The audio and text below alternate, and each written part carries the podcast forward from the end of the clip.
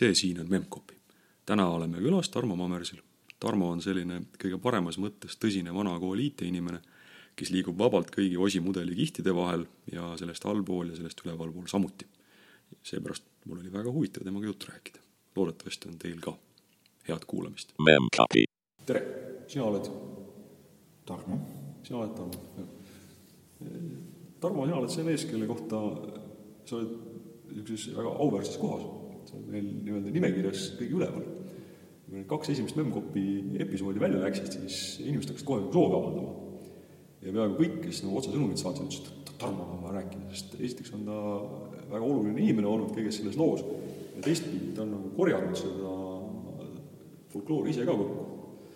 et, et räägi temaga ja noh, siin me siin nüüd siis oleme aga hakkame pihta päris nagu algusest, et kuidas sina arvutite juurde said ja kuidas arvutid sinu juurde said? mul oli üks klassikaaslane, kelle isa töötas Küberneetika Instituudis. ja ma arvan, et see võis olla kuskil keskkooli aastate alguses ilmselt siis ehk tol ajal mingi seitsmes, kaheksas, üheksas klass. jah, põhikooli lõpp, keskkooli algus, kus sai hakatud või kus sai käidud päris mitu korda järjest siis tutvumas sellise asjaga nagu Apple kaks mm. -hmm. ja see oli küll mõnevõrra keeruline, sest et see Apple oli üsna koormatud, kuna seal Küberneetika Instituudis teda kasutati mingisuguseks teadus- ja uurimistööks.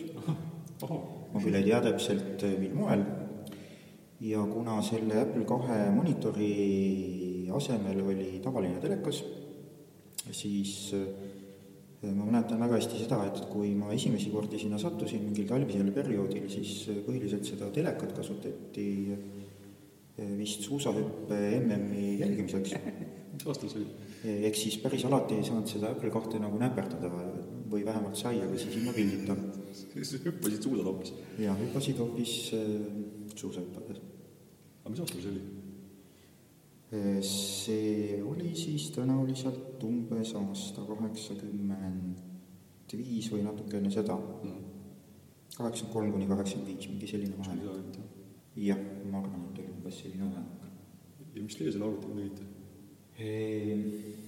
no mina kõigepealt vaatasin, mis teised teevad ja siis, kui ma ise hakkasin seda näperdama, siis tähendab, teised põhiliselt mängisid igasuguseid huvitavaid mänge, mis seal Apple'i peal tol ajal oli, aga mind pigem hakkas huvitama see, et et nojah, et kui need arvutimängud on mingi teatud hulga eludega ja teatud hulga relvadega ja teatud hulga mingite abivahenditega, mida saab kasutada, et kas neid kuidagi nagu nii-öelda ära häkkida saaks, et noh, et võib-olla oleks rohkem elusid või võib-olla oleks rohkem mingisuguseid abivahendeid või kuidagimoodi saaks rohkem, ma ei tea, punkte näiteks, millegipärast minu huvi oli nagu hoopiski selline, et mitte see mängimine kui, kui tegevus, vaid pigem huvitav. kas millegi ümbertegemine, millegi kuidagi teistmoodi tegemine, võib-olla et mingi tegelase müts ei oleks mitte punane, vaid oleks roheline kuskil mängus, no midagi sellist, eks. Okay.. kuidagi nagu nikerdada sealt, midagi, midagi muutuks ja saaks teistsuguseks. ja enne seda noh, ma ei teadnud midagi programmeerimisest ega ka eriti arvutite tööpõhimõttest, et see oli nagu see esimene ajendav tegur, mis siis tõi kokkupuute esiteks Basicu keelega ja järgmisena siis Apple'i Assembleriga. Ja teisalt noh, kuna ma natukene tundsin huvi tol ajal ka elektroonika ja eriti siis digitaalelektroonika vastu,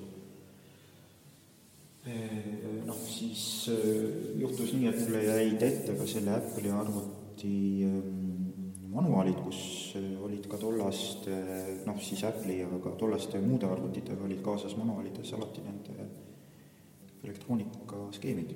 soh! jah, nii et noh, põhimõtteliselt minu huvi oli see sealt siis nagu näpuga järgi ajada, et okei okay,, et kuidas need bitid liiguvad, kui midagi printida või nuppu vajutada või või kuidas, kuidas ekraani peale pilt tekitatakse bittidest. et, et see oli nagu jah, see oli, see oli algus. aga korra selle alguse kohta küsin, et, et kas need mängud olid enamasti kuskilt välismaalt või väljastpoolt tulnud või liikus ka mingeid isetehtud asju?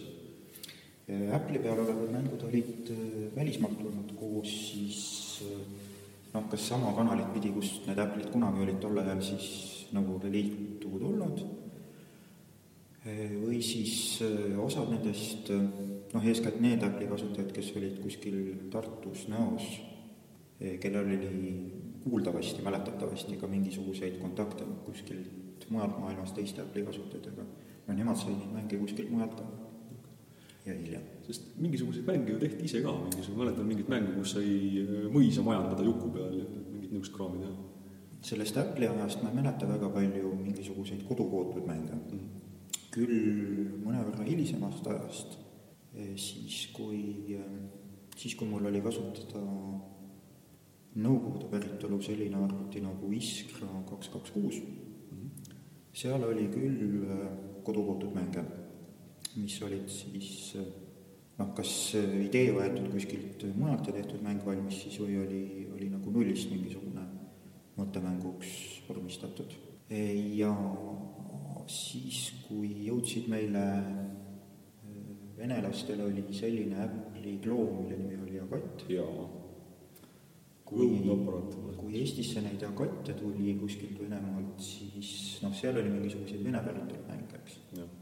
Palju oli porditud ja palju oli vene päritolu ka? jah, jah, osa olid jah, selgelt Apple'i pealt maha lükatud ja osa olid nagu nii-öelda originaalid aga jah, sellest ajast ma ei mäleta, et oleks nagu väga palju mingisuguseid äh, kodumaist päritolu mänge eriti olnud. kas sul need inimesed, kes seda nagu arvutit kasutasid, lasid sul ka seal niimoodi kõhu alla vaadata ja kaant pealt maha võtta ja no ega seal Küberneetika Instituudis väga palju ei lastud, sest et seal oli oluline ikkagi see, et see oleks nagu töökorras ja iga hetk kasutatav nende mingite uurimistööde jaoks, see Apple. aga hiljem siis, kui äh, ma ei mäleta nüüd, kas jah, see oli ka ikka keskkooli ajal veel. siis ma sattusin ka tollasesse tippi, ehk siis praegune Tehnikaülikool, kus oli raadiotehnika kateedris oli ka üks Apple kaks. ja noh, seal olid siis juba nii-öelda raadiotehnikud, noh, kelle, kelle igapäevane leib ongi see, eks, et vaadata pigem seda, mis seal kõhus on ja kuidas käib, eks et äh, seal sai siis nagu sisse vaadata, seal oli masina kõrval olemas ka jootekolb, äh, millega sai äh, pädevam seltskond teha ise Apple'ile mingisuguseid perifeeriakaarte. isegi nii? jah, selleks, et siis noh, tipimajas mingisuguseid juhtimisi teha või mingeid mõõtmisi teha või asju, eks. et, et niimoodi neid Apple'id seal kasutati. Aga tol ajal siis, ma nii aru, et neid ühesõnaga oli ikkagi üsna hästi teada, kus kohas on mingisugune konkreetne Apple kaks ja kus kohas on jah, sest äh, neid oli valitud, äh, valitud hulk, eks, ja see seltskond, kes, äh, kes oli mingi nii-öelda arvutihuviliste seltskond, noh, need inimesed tundsid, teadsid üksteist üsna hästi, no võib-olla nad ei tundnud, aga nad teadsid, eks, ma teadsin, et kellega kuskil arvutiringis sa nagu iga nädal kokku puutud, eks, noh, mingisugune seltskond võib olla kolmkümmend inimest, nelikümmend inimest, eks. Ja neid arvutiringe oli, eh, millega mina kokku puutusin, sel ajal oli, oli kolm tükki põhiliselt eh, või neli isegi, siis tähendab, oli selline koht nagu Oktoobri rajooni õppetootmiskombinaat, kus oli arvutiklass ja tegelikult seal olid eh, Yamaha MSX-id, mis kindlasti on Prontol väga hästi meeles. nii on Äh, seal oli päris suur seltskond äh, noori huvilisi, kes seal koos käis. ja siis oli, tipis oli äh, arvutiring, mida juhendas Vladimir Liies ja mingi hulk muid õppejõude, kes seal siis olid.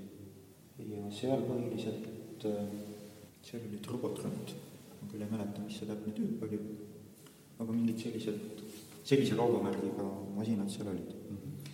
Ja noh, tipis olid siis ka need Iskra kaks kaks kuued, mida, millega ma siis kokku puutusingi tegelikult selle arvutiringi käigus esimest korda.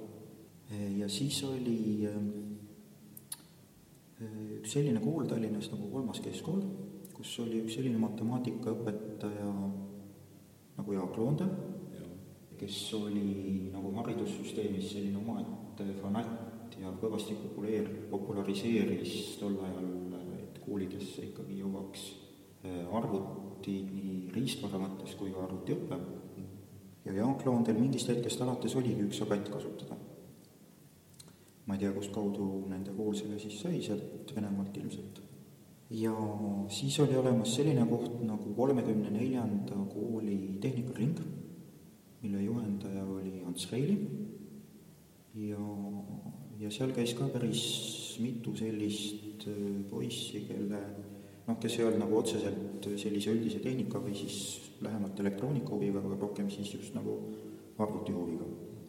et, et need vist olid nagu need põhilised seltskonnad, kus siis noh, igas ühes oli mm, oli ka mingisugune kattuvus, eks et noh, mina teadsin kõiki neid nelja seltskonda, võib-olla oli veel mingisuguseid seltskondi või nii-öelda arvutiringe või huvilisi. aga need olid kõik Tallinnas, eks ole? ja need olid Tallinnas. ja noh, Tartus oli hulk inimesi, kes koondus ülikooli juurde, seal oli eh, Anne Villems no. ja seal oli vist mingi hulk, ma ei tea, kui palju oli Apple'id. aga võib-olla ei olnud ka Apple'id, ma ei mäleta. kus oli Tartus Apple olemas, oli Füüsika Instituut seal oli selline eh, mees nagu eh, Jaan Ruulmann, kellega mina puutusin ka tol ajal siis kokku, kui, kui ma ükskord seal seda Apple kahte käisin vaatamas ja lihtsalt, ma ei mäleta, ma sattusin mingil põhjusel Tartusse mingisuguste koolikaaslastega või, või ringikaaslastega, siis, siis me mõtlesime, et oh, lähme sinna Füüsika Instituuti külla, seal esiteks saab sooja, sest et ilmad olid tol hetkel väga külmad, ma mäletan ja äkki saab arvuti ees ka midagi teha. ja siis me Ruulmaniga tuttavaks saime. ma ei tea, kuidas need asjad toimisid selles mõttes, noh, et üks hommik mingi seltskond võtab pähe kooliõitsusid, eks, et lähme ja sõidame ja kellelgi mingeid kontakte ei ole, eks mingeid eelnevaid kokkuleppeid ei ole. ka ei helista ja ei saada meili. jah, jah, aga noh, kõik nagu, kõik nagu tuleb välja lõppkokkuvõttes, eks mis see, kui ma saan koolist saan aru ja ülikoolis saan ka aru, et noh, arvuti ja võib-olla arvutiriik ka, aga mis selle Oktoobri rajooni mis iganes asutuse nagu huvi oli mingisugust arvutiklassi endale hankida? siis olid need õppetootmiskombinaadid olidki mingisugused sellised koolide, tähendab mitme kooli peale, ehk siis noh, nagu rajooni kaupa, eks neli rajooni oli ju Tallinnas tol, tol ajal. Ja noh, nimi oli õppetootmiskombinaat, eks, mis ilmselt siis pidi viitama nagu sellele, et seal siis saab nagu mingit praktilist asja proovida teha ja, ja proovida, ma ei tea, siis mingeid ametikogemusi saada. ja noh, see arvutiring oli seal nagu puht selline huviring, et seal ei olnud nagu mingit sellist tootmisväljundit, eks, nagu see õppetootmiskombinaadi seda ma, seda ma imestangi, et miks nad, miks nad hankisid selle, see pidi ju keeruline olema. no igal juhul neil oli arvutiklass ja okay., ja neid arvuteid seal oli mingi tosina jagu. ja, ja muidugi see võis ka olla, kuna see oli otsapidi seotud sellesama Jaak Loondega, et tema kuidagi sinna võis vabalt selle arvutiklassi sebida mm, -hmm. siis see õppetootmiskombinaat oli lihtsalt selline noh, nii-öelda katuseks, et kuhu siis õnnestus see arvutiklass tekitada, et see ei olnud ühes konkreetses koolis mm, -hmm. kus oleks olnud nagu mingisugused nii-öelda poliitilised pinged, et näe, neil on, aga meil ei ole. vaid see oli siis nagu rajooniülene, võib-olla seda oli lihtsam organiseerida. ja, ja aga, jah, hea, et selline koht olemas oli. suurepärane. kas, kui sa seal hakkasid arvutitega toimetama ja ja siis ega sa ju puhta koha pealt ju ei hakka, ei ava Apple kahe nagu elektroonikaskeemi ja ei ütle, et ahaa, siit liigub bitt sinna, eks ole. mille, mille pealt sa seda tegid, kas sul olid mingid raamatud või, või kuidas sa, kuidas oskasid? No elektroonika tausta mul oli nii palju, et et noh, seda ma teadsin, mismoodi bitid liiguvad, eks, ja mm. mismoodi mingi loogikatehted toimuvad ja kuidasmoodi nagu asju tööle panna. ja kuidas näiteks teha LCD displeiga elektronkella, eks. aga kust sa teadsid? ühelt poolt selle kolmekümne neljanda kooli tehnikaringi teadmiste baasil tõenäoliselt või õpitu baasil. Ja noh, teisalt ma lunisin vanematelt endale välja küllaltki palju kirjandust, mis oli põhiliselt vene ja saksa keeles. Saksa keeles? jah, sest ingliskeelset kirjandust tol ajal meil ei olnud lihtsalt saada kuskilt või noh, kui oli, siis see oli siis see oli ilukirjandus ja mingisugune aime ja ulme, eks, aga noh, ta ei olnud mingisugune teadus või tehnika. või tehnikakirjandus, eks, tehnikakirjandus, kui oli mitte Nõukogude päritolu, siis ta oli ikkagi saksa keeles. Ja ega ma ausalt öeldes neid raamatuid ühtegi otsast lõpuni läbi ei lugenud, aga ma neid ikkagi natukene sirvisin ja ja, ja lugesin võib-olla mõned olulisemad peatükid läbi. et sealt tasapisi ilmselt see kogemus või, või teadmine nagu tekkis. millest ma siis saan ka järeldada, et saksa ja vene keel tehnilise sisulise teksti lugemiseks ei olnud probleem tolleks hetkeks? no minu jaoks saksa keel küll oli, sest mina õppisin koolis inglise keelt süvendatult küll. Et selles mõttes, et inglise keel oli noh, minu jaoks nagu, nagu eesti keele kõrval teine emakeel peaaegu. aga saksa keelt jah, ma ei kursinud nagu eriti üldse tol ajal isegi. Tänapäeval on küll nii, et võtad raamatu lahti, eks, mis sest, et ma saksa keelt ei oska, aga noh, inglise keelega on palju sõnu samad äh, mingite muude tuntud keeltega, noh, on palju sõnu, samad, nii et äh, et mingist üldisest mõttest saab aru, muidugi noh, ega selliseid konkreetseid juhiseid või mingit faktilist infot saksa keelest ma ikkagi ei loe. aga mis koolis sa käisid? neljakümne neljas keskkool, mis on tänapäeval Mustamäe gümnaasium ja seal ma õppisin inglise keelt.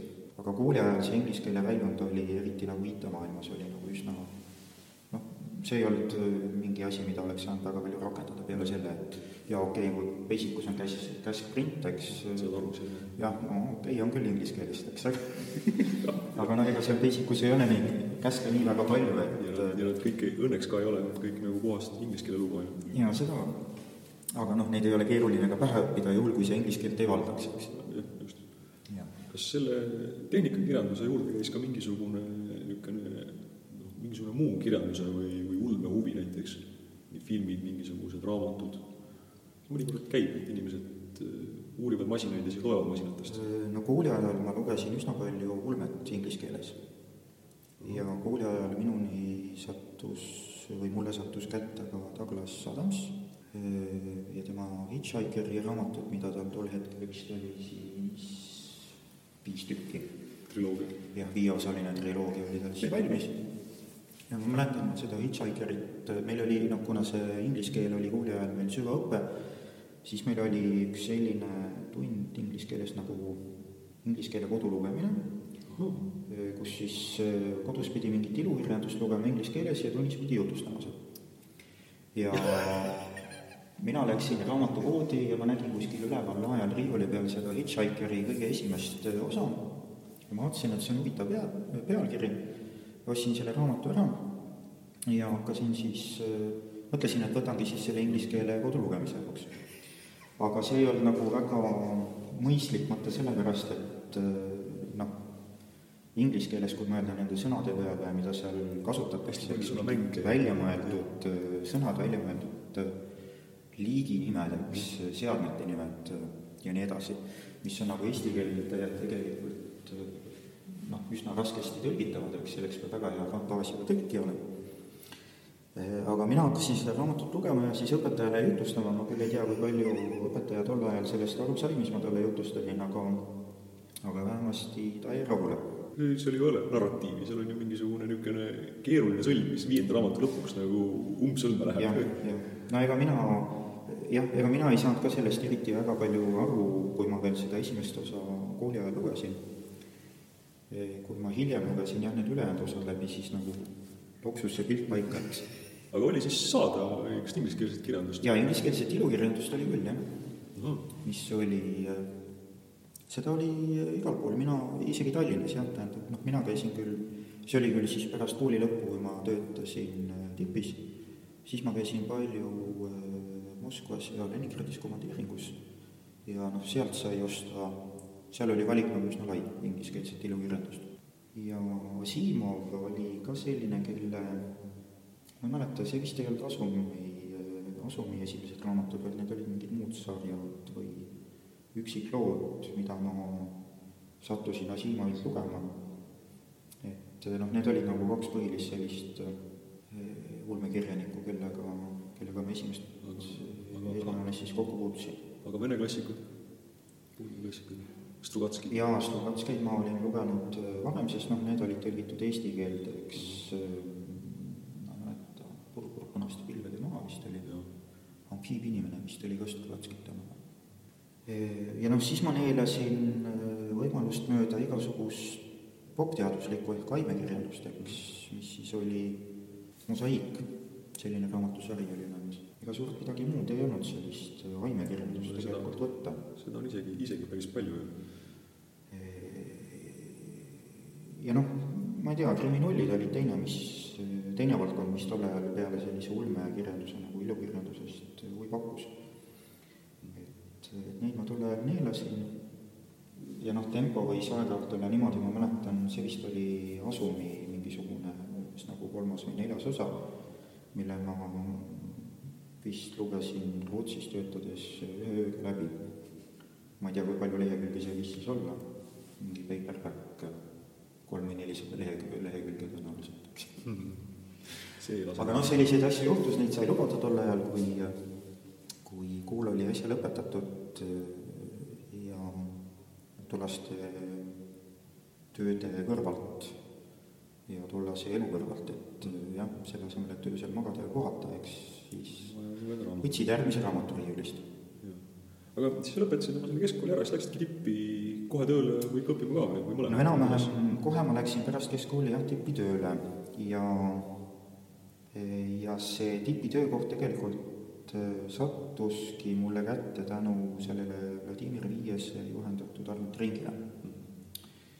ja, ja tipis ma töötasin selles samas kateedris, kus Viieski tegelikult, see oli siis elektronarvutite kateeder, ja noh, aitasin seal igasuguseid arvuti hooldustöid, mingeid laborite häälestamisi, ettevalmistamisi, mis erinevatel õppejõududel vaja oli.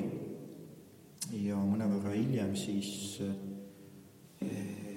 siis sai kaasa löödud juba mingisugustes noh, arvutit hõlmavates projektides, et kui oli vaja midagi programmeerida, kui oli vaja mingi sisend- või väljundseadme jaoks mingisugune driver kirjutada arvutile. aga kas sa läksid õppima ka? õppima ma läksin mõnevõrra hiljem, kui ma sinna tööle läksin, sest mind see tipp ei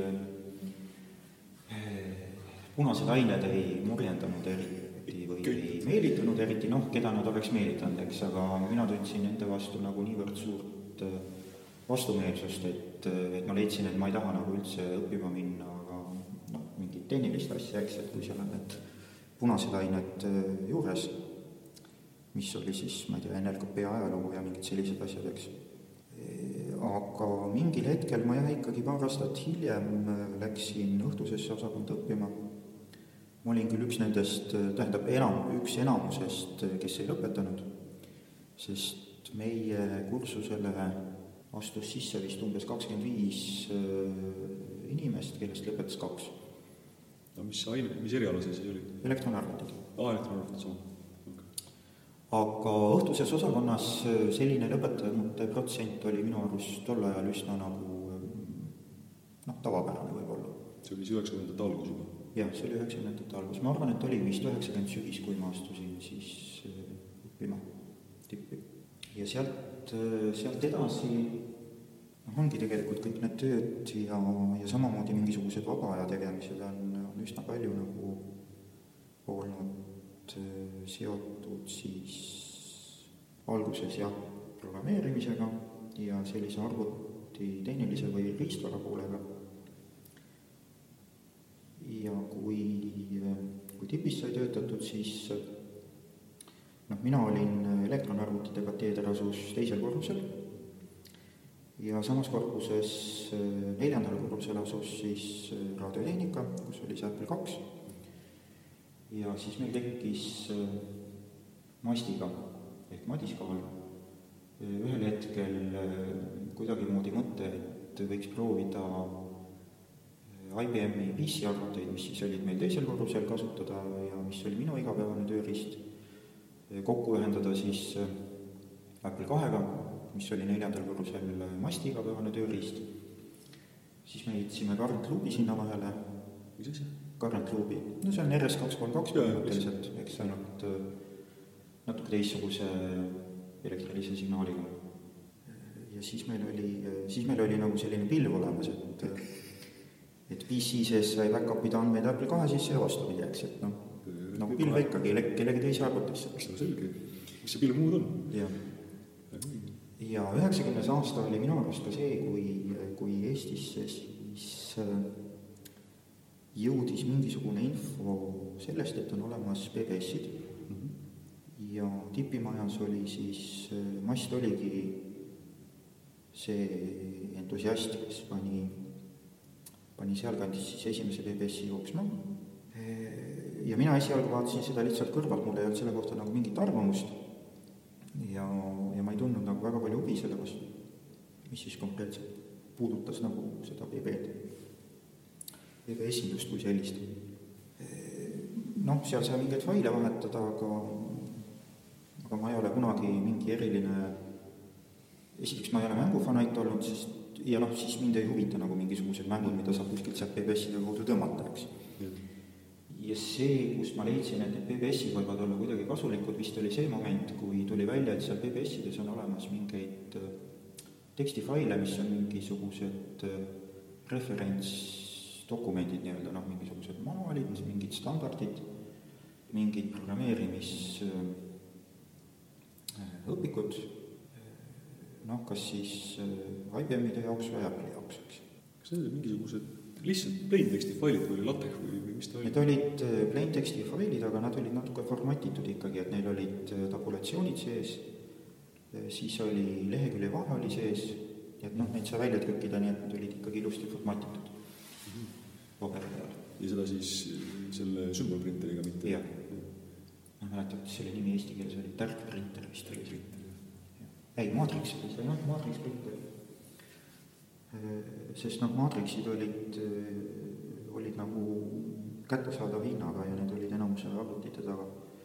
sest noh, mingid suured, suured arvutid ehk siis nagu EAS-id või SM-id, mis olid tipis ju Küberneetika Instituudis, seal olid need laiad, ma ei tea siis, kuidas nende printerite kohta ridaprinter või? jah, line printer öeldi inglise keeles, aga seal oli mingisugune eestikeelne sõna ka mille Usto Saur vist mõtles välja, see sõna võis olla. las ta olla. aga ühesõnaga mingit koledat, koledat häält ja värinat tegevat printerit. ja siis, siis kui sa said aru, et sealt saab igasuguseid spekke alla võtta, siis hakkasid PBS-id sulle ka huvi pakkuma? jah, ma arvan, et see oli see, see hetk ja see ajend, kui ma leidsin, et sealt nagu peale mängude ja mingi tilulilu saab midagi mõistlikku ka ja siis mingi hetk mina panin oma BBS-i ka püsti ja selleks ajaks oli Fidonet jõudnud ka otsapidi Eestisse. noh, väga paljud, kes, kes nagu ajalooliselt on tagasi vaadanud äh, ja, ja rääkinud võib-olla sellest ajast, noh, nad ei pruugi eriti olla vahet teinud BBS-indusel ja Fidonetil, aga tegelikult need olid kaks eraldi maailma, täiesti eraldi maailma. mis vahet olid? no vahe oli see, et BBS oli lihtsalt mingi süsteem, kuhu saab modemiga sisse helistada ja siis saab seal süsteemis sees toimetada mingeid andmeid noh, failide näol siis endale tõmmata või siis mingisuguseid sõnumeid vahetada, aga kogu see info ja need sõnumid on salvestatud sinna ühte konkreetsesse BBS-i süsteemi. ja Fidonet noh, ühe otsaga ta sai alguse nendest samadest BBS-idest, aga Fidoneti eesmärk oli siis see, et sõnumeid BBS-ide ja mingite muude Fidoneti liikmete süsteemide vahel edasi-tagasi toimetada. Fidonetis arvut-, need, need kuhu, kohad, kuhu sa sisse helistad, helistasid ka üksteisele sisse, vahetasid mingeid andmeid? jah, see oli siis nagu automatiseeritud süsteem juba, kus siis olid automaatvahendid selleks, et neid sõnumeid vahetada, ehk siis meile vahetada ja, ja meile oli, oli siis kahte liiki, olid privaatmeilid ja, ja olid konverentsmeilid, mis siis on noh, nii-öelda tänapäeva mõistes mingid meiligrupid või, või meililistid. kas Juus, Usenet tekkis ka? no Usenet oli varem, Usenet on, on hästi vana asi ja, ja Äh, ja UCP protokoll sellega seotuna äh, noh, on põhiliselt äh, linnu, Unixi maailma päritolu, ehk siis noh, see oli konkreetselt Unixi arvutite vahelise meilivahetuse protokoll. ja see Usenet, mis siis sinna ümber tekkis, noh, see oli siis ka nagu selline konverentside või vestlusringide süsteem. kas seda peegeldati Fidosse ka? ja seal olid füüsid olemas, et Usenetist sai konvertida ümber kirju Fidoneti nendesse EHO-desse või meilikonverentsidesse. ja muuhulgas ka faile, sest et Usenetis vahetati ka väga palju faile. Ja neid oli siis võimalik ka Usenetist konvertida noh, tavalisteks failideks, mis siis kuskil PBS-is salvestati üles, eks kas, kas need eestlased toimetasid seal Usenetis mingites oma gruppides või möllati nendes olemasolevates arvuti ja mis iganes? Usenetis ma mäletan küll, et ei olnud mingeid erilisi Eesti spetsiifilisi gruppe või, või regionaalseid gruppe, äh, erinevalt Fidonetist, sest Fidonetis oli küll äh, no mingi viisteist või heal ajal isegi võib-olla kakskümmend lokaalset sellist vestlusgruppi, gruppi ehk EHOT mm., siis noh, mingi kaks-kolm gruppi olid üsna populaarsed liikmeskonna mõttes. mis, mis see tähendab, viiskümmend, sada, sada viiskümmend, viissada inimest? no ma arvan, et lugejaid võis seal olla väga palju, sest et pidevalt tuleb välja inimesi, kellega sa ei ole, noh, mina ei ole kunagi kokku puutunud, ma ei tea neid nimepidi, aga nad räägivad, et nad on kunagi sealt EHOst midagi lugenud sest et noh, tegelikult selleks, et neid EHO-sid või konverentse lugeda, ei pidanud sa ise omama PBS-i ega mingit Fidoneti süsteemi. vaid sa said helistada, eks, PBS-i sisse, sealt sa said neid lugeda, kui sa tahtsid ja, ja kirjutada. Ja kellel Fidoneti süsteem siis oli püsti pandud, noh, eelis oli selles, et siis talle need kirjad tulid automaatselt koju kätte ja tal ei olnud vaja kuskile kaugele ise helistada, eks, et, et lugeda kirjutada. et tegelikult see ring ilmselt neid inimesi, kes võib-olla ainult luges see ring võis olla tegelikult päris suur. kui püüda hinnata seda, kes seal aktiivselt suhtlesid ja kirjutasid ka, siis noh, võib-olla see on mingi kakssada inimest. no seda on ikkagi päris palju. See on väga laest võetud number. jaa, aga noh, see on suurusjärgus mõttes ei, ei olnud kolm ja ei olnud kolm miljonit, eks. jah, seda küll. kas sa selle, oma selle PBS-i panidki või selle Fido nõudi panidki püsti selle jaoks, et asjad tuleksid koju kätte, ei oleks vaja ise vaeva näha või mis selle asja nimi oli üldse? ma arvan, et eesmärk oli jah see, et asjad oleks automatiseeritud piisavalt, et mul ei oleks nagu endal vaja mingeid liigutusi teha ja ja aega viita sellepärast, et kuskile VBS-i nii-öelda löögile saada, sest kui VBS-i küljes välismaailmaga suhtlemiseks oli üks moodem, siis see tähendab, et üks inimene igal ajahetkel korraga sai seda VBS-i kui teenust kasutada. no oli VBS, millel oli mitu moodemit küljes siis sai mitu inimest paralleelselt seda kasutada, aga noh, see tähendaski seda, et et helistasid modemiga, telefon kinni, helistad viie minuti pärast ikka kinni ja noh, miks ma pean niimoodi vaeva nägema ja pidevalt helistama, no tõsi küll, jah, modem valis ise automaatselt, tegi kordusvalimist, eks. et siis, kui lõpuks löögile sai, siis ta andis mingi signaali, aga, aga ma leidsin jah, et parem on seda asja lasta sellel Fidoneti automaatikal teha. Ja siis äh, ise rahumeeli saab äh, hetkel, kui sa tahad, avada meili lugemise programmi ja lugeda seda meili, mis vahepeal sul sinna masinasse siis ära tõmmatud, eks. aga mis su nõudi nimi oli? minu nõudi nimi oli Mämbox. Äh, Mämbox. see on, tähendab, ma ei, ma ei mäleta, mis hetkel see Mämm eesliide, mis on siis noh, minu perekonnanime algusest tekkinud, millal millal see nagu hakkas kuskile mingisuguste asjade külge tekkima. Mm, aga noh, tol hetkel oli jah nii, et kui ma tegin BBS-i, siis ta oli Mämbox, kui ma tegin, kirjutasin mingisugust programmi eh, nii-öelda oma lõbuks, siis, eh, siis ma kirjutasin sinna copyright eh, Mämsoft. et see oli, see oli tol ajal nagu selline märk, kaubamärk, ta, mida mina kasutasin siis selliste ühesuguste eesliidetega. Ja üsna tüüpiline oli jah see, et, et kellel oli BBS, kui tal alguses ei öelnud, siis ta mingil hetkel lisas sinna BBS-ile selle Fidoneti funktsionaalsuse.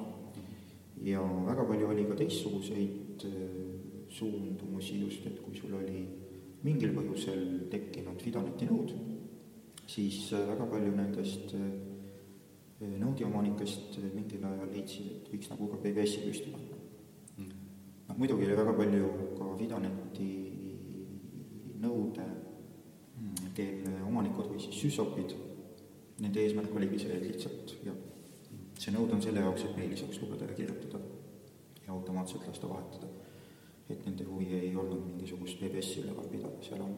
ehk siis see, et, et kui mõni BBS sai populaarseks, et sinna ei saanud nagu nii-öelda löögile, siis see võis olla nagu kahel põhjusel, esimene põhjus oli see, et seal oli mingisugune kogukond, kes omavahel mingeid sõnumeid vahetas ja toimetas mingeid faile jagas ja asjatas. Ja teine põhjus oli see, et millegipärast leiti, et just nimelt sealt on hea äh, siis Fido, Fido juurde pääseda. noh, Fido juurde pääses kõikidest BBS-idest, kes olid Fidoneti liikmed, sest et noh, kõigis oli ühesugune koopia põhimõtteliselt nendest konverentskirjadest, eks. iseasi olid privaatkirjad, sest noh, siis oli äh, põhimõtteliselt äh, vaja Fidoneti noodinumbrit teada, kuhu saab kellelegi inimesele kirja saata. et, et iga inimene oli siis mingisuguse Fidoneti noodiga seotud, et, et seda privaatmeili vahetada. aga mis konverentse või ERRO-sid siis puudutas, jah, need olid ühtmoodi igas PBS-is tegelikult saadaval. aga ega muidugi ei olnud eriti mõnus ka see, et täna loed siit, homme loed hoopis teisest PBS-ist seda meili, sest et noh, seal on viited või pointerid, eks, et kui palju sul on loetud meile, kus su lugemisjärjekord on kas sa oled millelegi vastanud või ei ole, eks, et et see läheb sassi, kui sul ei ole oma sellist nii-öelda kodu-PBS-i. Ja ka jah, see, et kes, kus oli väga populaarne faile käia tõmbamas, noh, oli, oli selge, et jah, et need PBS-id on nagu üsna hõivatud ja tihtipeale kinni nende failide tõmbamise pärast, eks. no sest see võttis tükk aega aega, et faile kätte saada. sest äh, noh, alguses, kui PBS-id Eestisse tekkisid ja need Fidoneti nõuded, siis noh, ütleme niimoodi, et neliteist tuhat nelisada voodi, ehk siis no ümmarguselt võib seda teisendada ka, et neliteist tuhat nelisada bitti sekundis või siis neliteist kilobitti sekundis andmevahetuskiirus äh, oli üsna tüüpiline nagu algupäevadel nende BBS-ide juures. ma mäletan üheksa tuhande kuuesajaseid millegipärast. no üheksa tuhat kuussada oli jah, selline lihtne odav igamehe tehnoloogia, aga ütleme neliteist ja neliteist koma neli olid sellised, kuhu poole kõik nagu püüdlesid ja sealt edasi tuli siis üheksateist koma kaks, kakskümmend kuus koma kuus, mingid sellised numbrid. minul ühel hetkel olid kasutada sellised üsna nii-öelda härjad modemid, mille töökiirus oli kolmkümmend kolm tuhat kuussada poodi, aga sellisel juhul, kui teisel pool sideliini otsas on vastas täpselt sama tootja modem. Need olid Robotics siis? see oli PEP. PEP oli ta? jah, selline firma oli nagu PEP, modemi nimi oli Trailblazer. Kuidas ma muidu panen aeglase nime niisugusele asjale?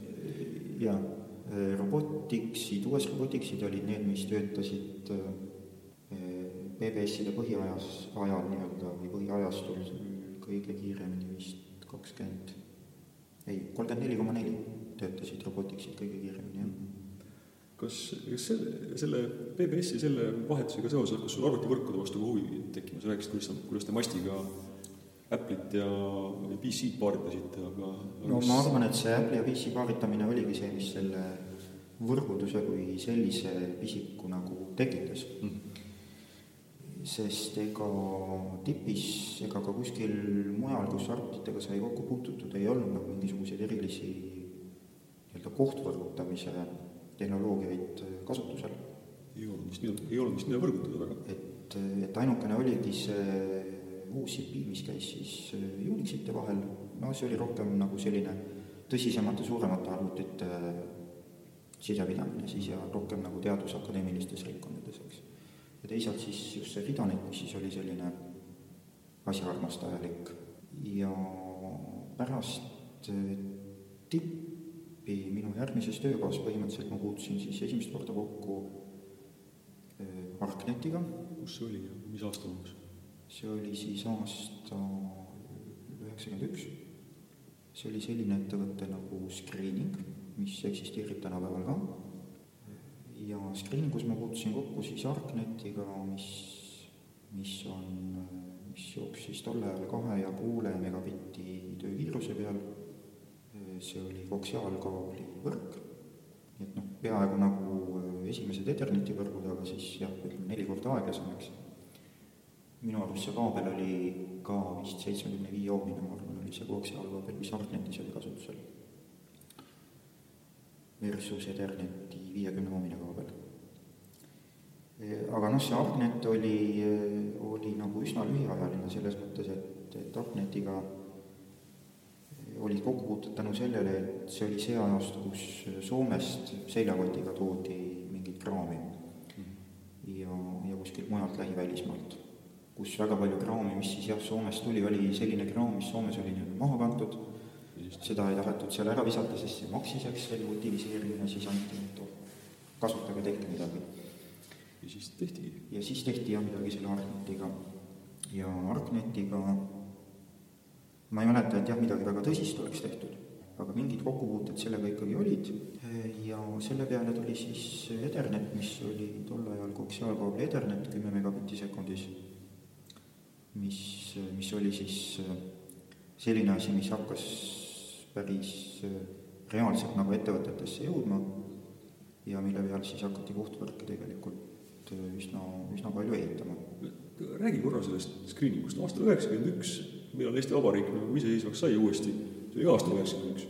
et aastal üheksakümmend üks teha arvutifirmat, siis sellest järeldub vaieldamatult kaks asja, peab olema kuskil arvutid ja peab olema kuskil mingi äri, nagu esimene teine pool aga et aastal üheksakümmend üks oleks olnud kumbagi, et see tundub nagu natuke uskumatu. no arvutid olidki sellised, mis äh, alguses tulid seljakotis äh, piiri tagant äh, ja, ja siis järgmine faas oli see, kus, kus nad tulid endiselt seljakotiga piiri tagant, aga selleks, et neid saada, selleks oli vaja sinna piiri taha seljakotiga kõigepealt sularaha viia mm.. sest kakskümmend tuhat rubla võib-olla arvuti eest, ma arvan, oli selline keskmine arvuti, ma ei tea, mina ei puutunud hindadega kokku, sest ma ei tegelenud müügitööga. nii et ma ei, ma ei mäleta, ma ei kujuta ette, kui palju need arvutid tol ajal äh, nagu numbriliselt maksid, aga, aga arvutustehnika jah, oli meel, meeletult kallis. no kuidas, kuidas niisugune ettevõte nagu tekib üldse, et ei olnud ju CV Online'ist ei saanud nagu otsida, et tulge meile tööle, teeme uue firma? ma ei tea, IT-maailmas inimesed liikusid ilmselt tutvuste kaudu ühest kohast teise tööle. ja mina sinna screening usse jõudsin ka tutvuste kaudu, sest et äh, üks inimene, kes varem oli olnud minu kolleeg tipis, sattus tööle screening usse ja kutsus paar aastat hiljem mind ka sinna. Mm.. ja screeningu äh, nii-öelda vertikal või kliendisegment oli ja on ka tänapäeval äh, meditsiiniasutused ja meditsiiniasutuste võrgud, arvutibaas ja infosüsteemid mm, -hmm. nende kirjutamine ja hooldamine. ma arvan, et see on ka üks põhjus, miks screening tänapäeval elus on äh, endiselt ja, ja ilmselt elab väga hästi. et tal on oma üsna kitsas kliendisegment ja, ja kindlad ja välja kujunenud noh, kliendisuhted, eks see tähendab siis seda, et seal, kui ma sind kuulan, siis tundub, et see esialg, esi, noh, kui need esimesed arvutifirmad sigisid, siis need olid ikka niisugused noh, sõpruskonna või vähemalt tutvuskonna nagu põhised. ei, nad väga ei olnud, sest Riigikogus okay. noh, Mart, kes enne mind sinna läks ja kes mind hiljem kutsus, eh, oli ainukene inimene, keda ma sealt tundsin, aga teisi ei tundnud, aga jah, sellised eh, arvutifirmad olid, eh, screening oli, ma ei tea, viis-kuus inimest tõenäoliselt, mitte rohkem tol ajal kõik tegid kõike enam-vähem, noh, võib-olla mõni jah, programmeeris rohkem, võib-olla mõni, nagu mina näiteks, vedas rohkem kaablit või käis seal mingeid kruvisid keeramas, eks, või timmimas mingeid asju seal arvutikaane all, et jah, mingid eelistused olid kindlasti inimestel olemas, eks. aga üldjoontes võib ikka jah öelda, et, et kõik käisid nagu mingil määral vähemalt üle kõikidest nendest süsteemidest, mis, mis maja sees nii-öelda või seal IT-firma sees kasutusel olid või millega see firma tegeles. kas, kas sa sel ajal veel oma PBS-i pidasid või? jaa, PBS mul oli üleval päris pikka aega, ehk siis noh, ma olen nii-öelda kaasa vedanud seda ühest töökohast teise, sest ega tol ajal kodus ei saanud noh, esiteks koju ei olnud kellelgi eriti võimalik arvutit hankida, sest see oli kallis, eks ja kui oli ka võimalik hankida, siis võib-olla mingi niru arvuti, mille peal PBS-i püsti ei pane hästi võib-olla. ja teisalt tol ajal kodus telefoniga välja helistamine noh, ei olnud just mitte võib-olla kõige odavam lõbu, pealegi kui mõelda Fidoneti peale ja et see Fidonet oli ülemaailmne süsteem, siis see hõlmas ka mingit hulka rahvusvahelisi kõnesid, siis kodust ei olnud võimalik otse helistada välismaale. kogu valimine toimis noh, läbi inimoperaatori, eks. ja ega kõikidest ettevõtetest ka ei olnud võimalik välismaale helistada, siis tihtipeale oli ettevõttes oli üks telefoninumber, võib-olla mingi kümne või saja telefoni peale, kus siis sai otse välismaale helistada. ja see siis püüti endale ära rääkida, et sinna taha saaks PBS-i ühendada. ja siis tihtipeale olid ka PBS-i omanikel kokkulepped, et nende PBS töötab öösiti, siis nad saavad seda telefoniliini kasutada, sealt helistada välja, kui on vaja, eks, ja noh, päeval saab seda liini siis kasutada kontoritöö jaoks. sihtpäraselt. jah, sihtpäraselt, inimkõnede jaoks. ja noh, sellised ajad tekkisid hiljem, kus kus PBS-i jaoks oli mõnedes firmades võimalik siis kakskümmend neli tundi saada mingisugune telefoniliin ja eriti hästi, kui sealt sai siis ka välismaale helistada. aga selliseid kohti oli. ja noh, tol ajal oli nii, et kui mina liikusin ühest ettevõttest teise, siis siis ma uut ettevõtet muuhulgas hindasin ka selle järgi, et kas mul on võimalik PBS sinna kaasa võtta ja kas mul on seal võimalik selle PBS-i jaoks saada siis kaugvalimisega telefoniliin ja veel parem, kui see liin oleks siis kakskümmend neli tundi kasutatav aga mis see sulle, mida see sulle pakkus, et sa seda niimoodi, see oli ikkagi huvi, see oli huvi lihtsalt. mis seal oli huvitavat? no see, et see info tuleb üsna lihtsalt kätte, mida on võimalik sealt PBS-idest äh, saada, noh, esiteks on teda parajalt lihtne otsida, kui sul on, kui sul on juba Fidoneti nood püsti. ja, ja siis automatiseerida just nimelt seda noh, ühelt poolt meilivahetust, teiselt poolt ka failivahetust mm.. kui ma tahan saada ka kätte kuskilt kaugelt PBS-ist mingit faili, ma tean selle faili nime, eks, siis mul ei ole vaja endal käsitsi jällegi sinna PBS-i sisse logida, et seda faili sealt siis tõmmata, vaid ma saan seda selle Fidoneti automaatika kaudu teha. selles Fido maailmas neid inimesi ei olnud nagu noh, ei olnud sadu võib-olla seal selles, selle tuumiku juures, aga neid ikkagi natuke oli aga ometi on see, et, et sinu nimi jookseb sealt päris nagu oluliselt läbi. et miks, mis sa arvad, miks see nii on? no seal ei ole väga palju midagi arvata, sest et sest et noh, tegelikult PBS-i pidajaid on, on palju nimekamaid olemas, kes seda PBS-i maailma Eestis põhimõtteliselt siis alustasid ja kes on PBS-i kontekstis palju tuntumad, aga see oli üsna pea tegelikult, kui need PBS-id eh, ja Fidonet olid Eestis levima hakanud ja kasutusele võetud üsna agarasti, kui, kui meil mingis seltskonnas, eh, Fidoneti inimeste seltskonnas, eh, tekkis, tekkis selline äratundmine, et nojah, et meid on siin küll mingi sada kuni kakssada inimest, kes igapäevaselt nagu suhtlevad Fidoneti kaudu ja ja vahetavad kirju ja teevad nalju ja vahetavad sõimavad üksteist ja mida iganes. et äh, aga noh, meie jah, siin nagu näeme kümme inimest võib-olla, keda me teame päevast päeva, eks, nime ja nägupidi, aga teisi me ei tea. et, et peaks nagu mingisuguse lahenduse sellele probleemile otsima. ja tegelikult oli juba üheksakümne esimene aasta, kui, kui see probleem muutus niivõrd teravaks et enam-vähem siis seesama mingisugune umbes kümneinimene, kümneinimesseline seltskond mõtles siis, et võiks teha mingisuguse kokkutuleku, ma küll ei mäleta, kuidas need mõtted käisid või liikusid või kes mingisuguseid ideid välja käis, kui palju me kuskil Fidoneti EHO-des neid asju arutasime või mõtlesime eelnevalt, kui me selle mõtte välja käisime, et davai, teeme mingisuguse kokkutuleku. aga siis oli üheksakümne esimese aasta augusti, ma ei mäleta täpselt, mis kuupäeval need olid, augusti esimene pool, kus me olime siis paika pannud, et nii, teeme siis ühel nädalavahetusel kokkutuleku, saame Väänas ühes ürituse kohas kokku,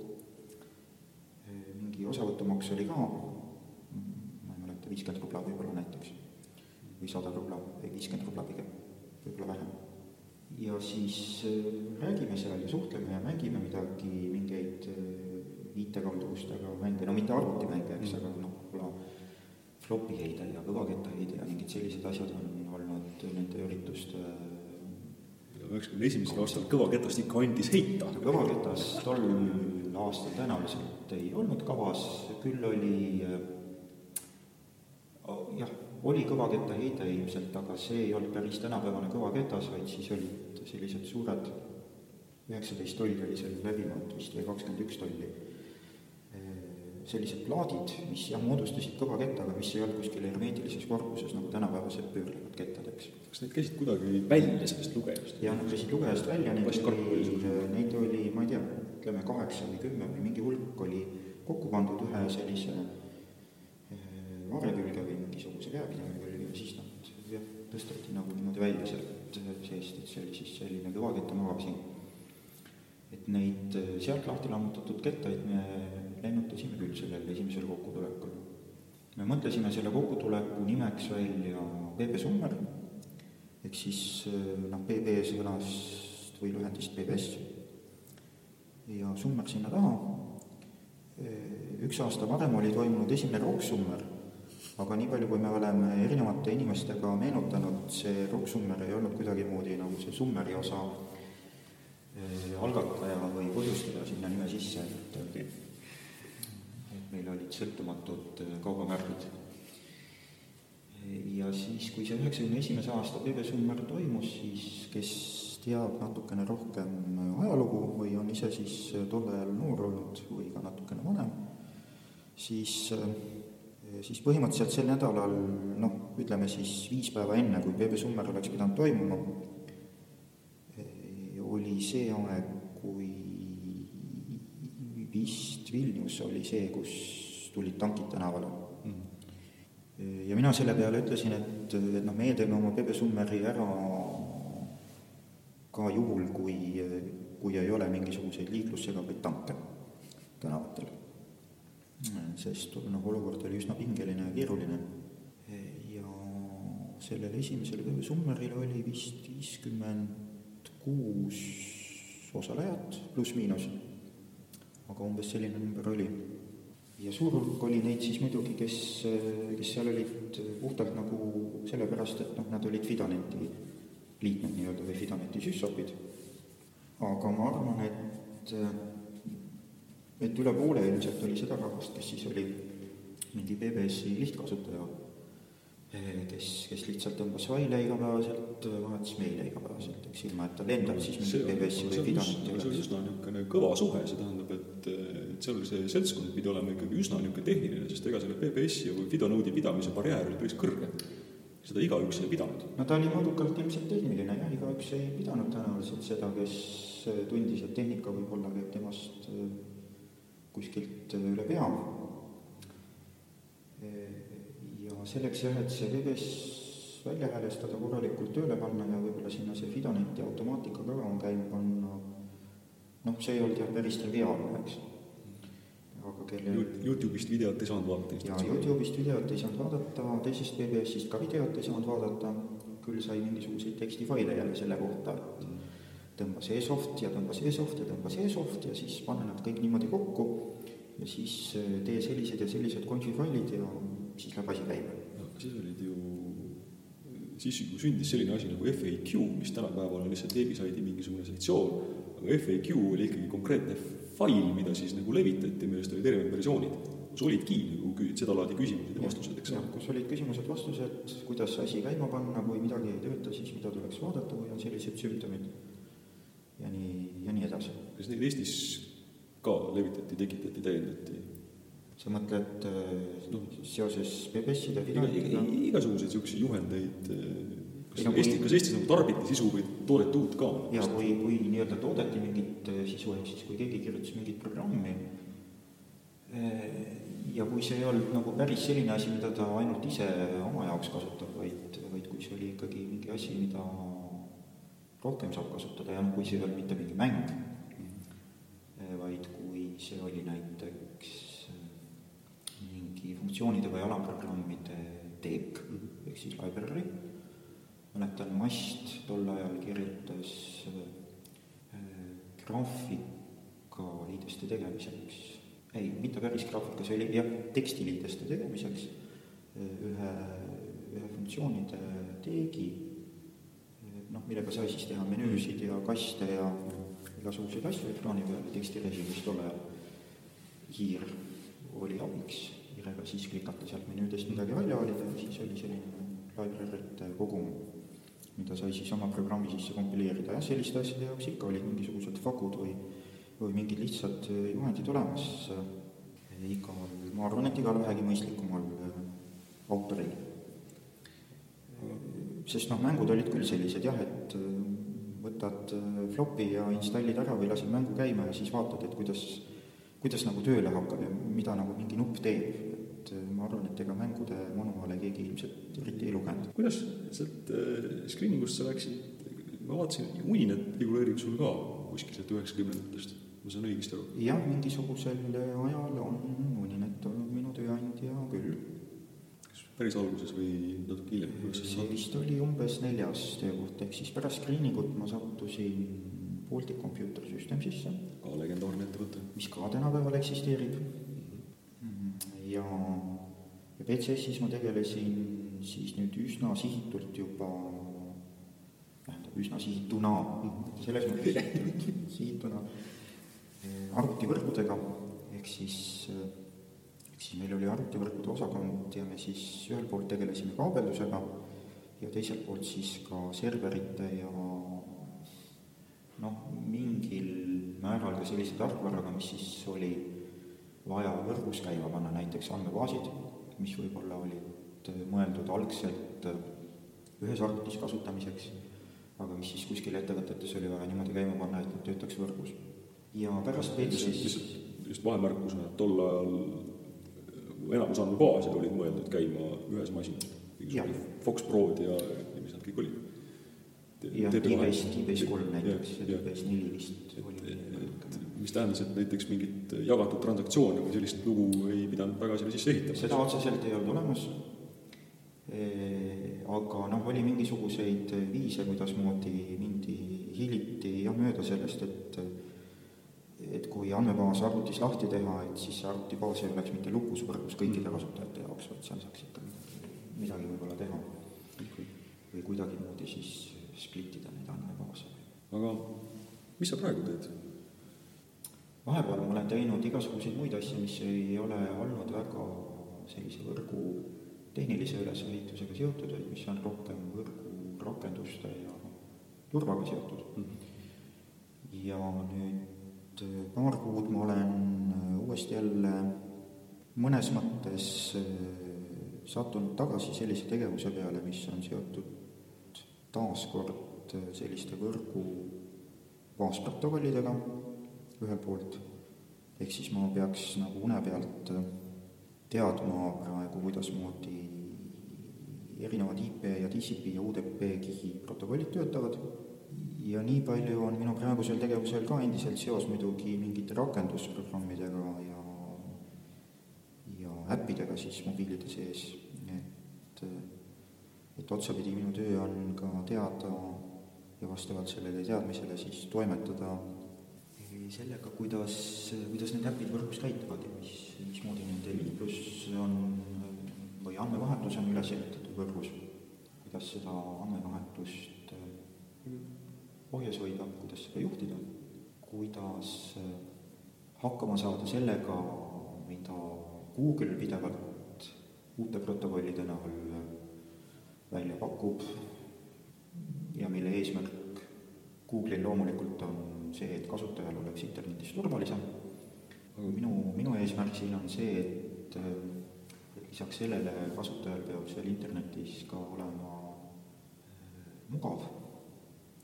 ehk siis andmed peaks jõudma ühest punktist teise nii kiiresti, et äh, kasutaja ei teadvusta, et kuskil seal vahel mingisugune internet on, mis võib olla ebakindel või aeglane. siis on ju selles mõttes väga toredasti kuidagi, kui ma su juttu kuulan, siis see on kõik üks, üks lugu sellest, kuidas, sa rääkisid alles alguses selle Apple kahe peal, tundsid huvi selle vastu, kuidas selle tüübile seal mängu sees nagu müts punane pähe panna, et mis seal kapoti all ikka käib, siis on su tegelikult ju täpselt sama asi on ju tänapäeval, lihtsalt see tegelane seal arvutis on teist, teistsuguse arvuti sees ja, ja natuke tehnoloogia on teine, aga põhimõte ja huvi on ju sama. täpselt nii, ehk minu jaoks on oluline see, mis on kagul kõhus mm, -hmm. kuidasmoodi see seal kõhus töötab, kui ta ei tööta hästi, mis, kas ja mida siis saab võib-olla paremaks teha, ja noh, kui ta töötab hästi, siis, siis sellest hoolimata kindlasti saab midagi teistmoodi teha.